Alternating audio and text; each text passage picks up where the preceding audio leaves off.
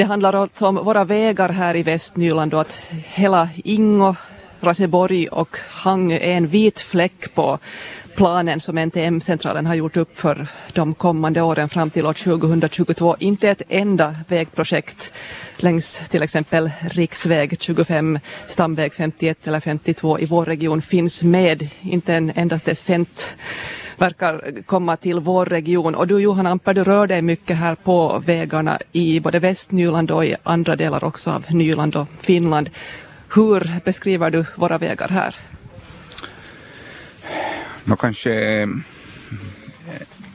en del sämre, sämre än på många andra håll med beläggningsytor eller beläggningsskador och smala vägar gångbanor och cykelvägar fattas totalt på många ställen som, som gör det oftast farligt. Vilka är de farligaste ställen här i vår region enligt dig? Nå, ett ytterst farligt har du i Åsenby med korsningarna där. Eh, smalt och krångligt så har du efter mellan Svartå och Virkby var du har mycket tung trafik så det är nog ett, ett exempel. Vad skulle du, om du skulle få önska någonting, vad, vad borde man göra här i vår region?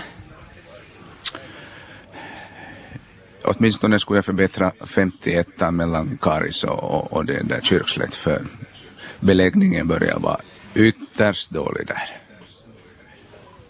Om du sen rör dig mot huvudstadsregionen, i vilket skick är vägarna där? No, kanske beläggningsmässigt en, en del bättre än vad vi har det här. Vi fortsätter med Werner Orre från SFB. Du är ordförande för tekniska nämnden i Raseborg och tekniska nämnden hade häromdagen upp ett utlåtande som ska gå vidare för beslut i stadsstyrelsen i Raseborg och ni är inte alls nöjda med NTM-centralens planer över, eller icke-existerande planer ska vi säga över vägarna i vår region. Nej, till vår bestörtning kunde vi konstatera att NTM-centralen tydligen aktivt har valt att prioritera bort Västnyland. Och det här rimmar väldigt illa eftersom Trafikverket, som är ett pinnhål högre, är en ypperlig samarbetspart. Och där har vi kommit igång med flera fina projekt som nu står mer eller mindre för fäfot på grund av NTM-centralens planer så här långt åtminstone. Vad kommer ni då att säga i det här utlåtandet som då ännu ska gå till stadsstyrelsen? Det är ett litet nätt utlåtande med fem sidor av projekt som alla är synnerligen brådskande. Det är allt från den tunga trafiken till stödet för kollektivtrafik trafiken som faller bort 2019 och vi har nu hösten 2018. Vad är det mest brådskande enligt dig som borde göras här i vår region? Möjliggörande av större investeringsprojekt. Om vi inte har möjlighet att bygga ut det lägre vägnätet ligger projekten stilla tills vi har kommit igång. Jag har också med mig Jukka Takala, teknisk chef i Hangö. Hangö hamn och Hangö har ju mycket trafik. Det är mycket tung trafik som rör sig på vägarna och den blir ju, ökar hela tiden.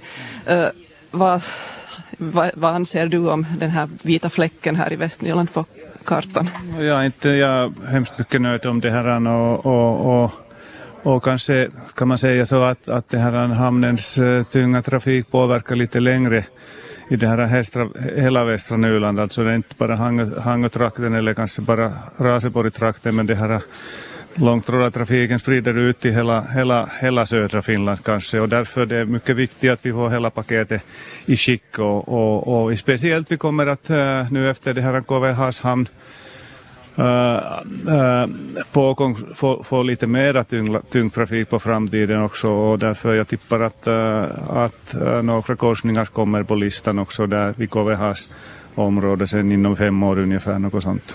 På Hangöstads lista då? Uh, no, inte har vi hemskt mycket pengar, men Hangöstads listan på det här viset och det samma, samma Västra Nylands lista om vi försöker påverka NMT-centralen i det här arrangemang för de här investeringarna är så pass dyra att inte ha något 8000 invånare statspengar för att, att göra hemskt mycket om ärendet. Vad är det mest brådskande i Hangö som borde göras? Uh, no, jag skulle säga att nu det här Kovehamnen är i, i gan, ganska bra, hur ska man säga, fart och, och jag skulle säga att in, nu det här generalplanen är färdig hoppeligen nästa år och sen börjar det gå framåt med det här själva planering med det här KVHs och stamvägen, vad heter det, 25-mans korsningsidén att, att knappast den nuvarande situation räcker till när det börjar, när det börjar hända. Ja, vad kan det betyda om ingenting görs och den tunga trafiken till Hangö längs eh, riksväg 25 ökar? Ja, det, det, det är trafiksäkerhets eller, eller säkerhetsfråga. Det, kan, det finns, och sen finns det mycket älgar där också, inte, inte bara andra bilar och, och allt det här ska skötas på något sätt när trafiken ökar. Och här har jag också med mig riksdagsledamot Thomas Blomqvist från Svenska folkpartiet. Du är från Tenala men du är hela Västnylands riksdagsledamot kan vi säga. Vad kan du göra för att få pengar till vägarna i vår region? No, det är klart att vi försöker ju hela tiden lobba så att vi skulle få pengar i statsbudgeten till de här stora projekten som vi tycker är viktiga och det, det är utan att de direkt prioriteringsordning men det är nu några stora, det är elektrifieringen av Hangö-Hyvingebanan, det är trafiksäkerhetsarrangemang på, på riksväg 25, det är li, likaledes trafiksäkerhetsarrangemang som kan betyda både accelerations och, och grupperingsfiler på, på 51 och det är naturligtvis att bättra, förbättra kustbanan. Det, det är de här stora, stora bitarna. Och sen, men nu förklart att vi försöker, försöker också lobba NTM-centralen eh, att de, de skulle se på vår region och ha den jämbördig med, med alla andra regioner och det borde, det borde vi ju kunna, kunna lita på i och för sig. Det är ju vägmyndigheter det är fråga om som, som ska se till, till hur stor trafik det finns och, och, och sen använda de pengar som finns till buds på, på ett möjligast rättvist sätt. Men, men det, är, det är så att det är klart att kommunerna ska, ska lobba och, och vi riksdagsledamöter ska lobba. Och för jag tror det är två och en halv vecka sedan så tog jag initiativ här i, i stadsstyrelsen i, i Raseborg att vi skulle fara in till NTM-centralen till exempel statsdirektören och tekniska direktören och, och min kollega Marit Fältranta och, och jag skulle fara dit och diskutera och få höra deras syn på saken och också lyfta fram de, de saker som nu för Raseborgs del man har jobbat fram i, i tekniska sektorn och tekniska nämnden och, och, och, och säkert kan, kan vi också samordna det här så att, att Hange och Ingo, Ingo skulle vara med fast på samma träff. Det, det skulle kunna vara, vara vettigt för att det här är ju en, en helhet som här kom fram till, redan tidigare. Ja, Västnyland är ju en ganska glest befolkad region. Samtidigt hör vi till Nyland där huvudstadsregionen finns och många av de här vägprojekten som man satsar på i framtiden, det finns 102 stycken med på NTM-centralens plan, de finns just i huvudstadsregionen. Hur problematiskt är det att vi i Västnyland samsas om pengar med huvudstadsregionen? No, nu är det, tycker jag, problematiskt för att vi ska komma ihåg att den stora bilden är den att i hela Finland så har vi en reparationsskuld som det kallas på vägarna. Alltså vi har inte under de senaste tiotals åren eh, kunnat hålla vägarna i det skick som som de var när de, när de var nya så att säga. Så, så vägarna har förfallit i hela Finland och, och det räck, finns inte tillräckligt med pengar.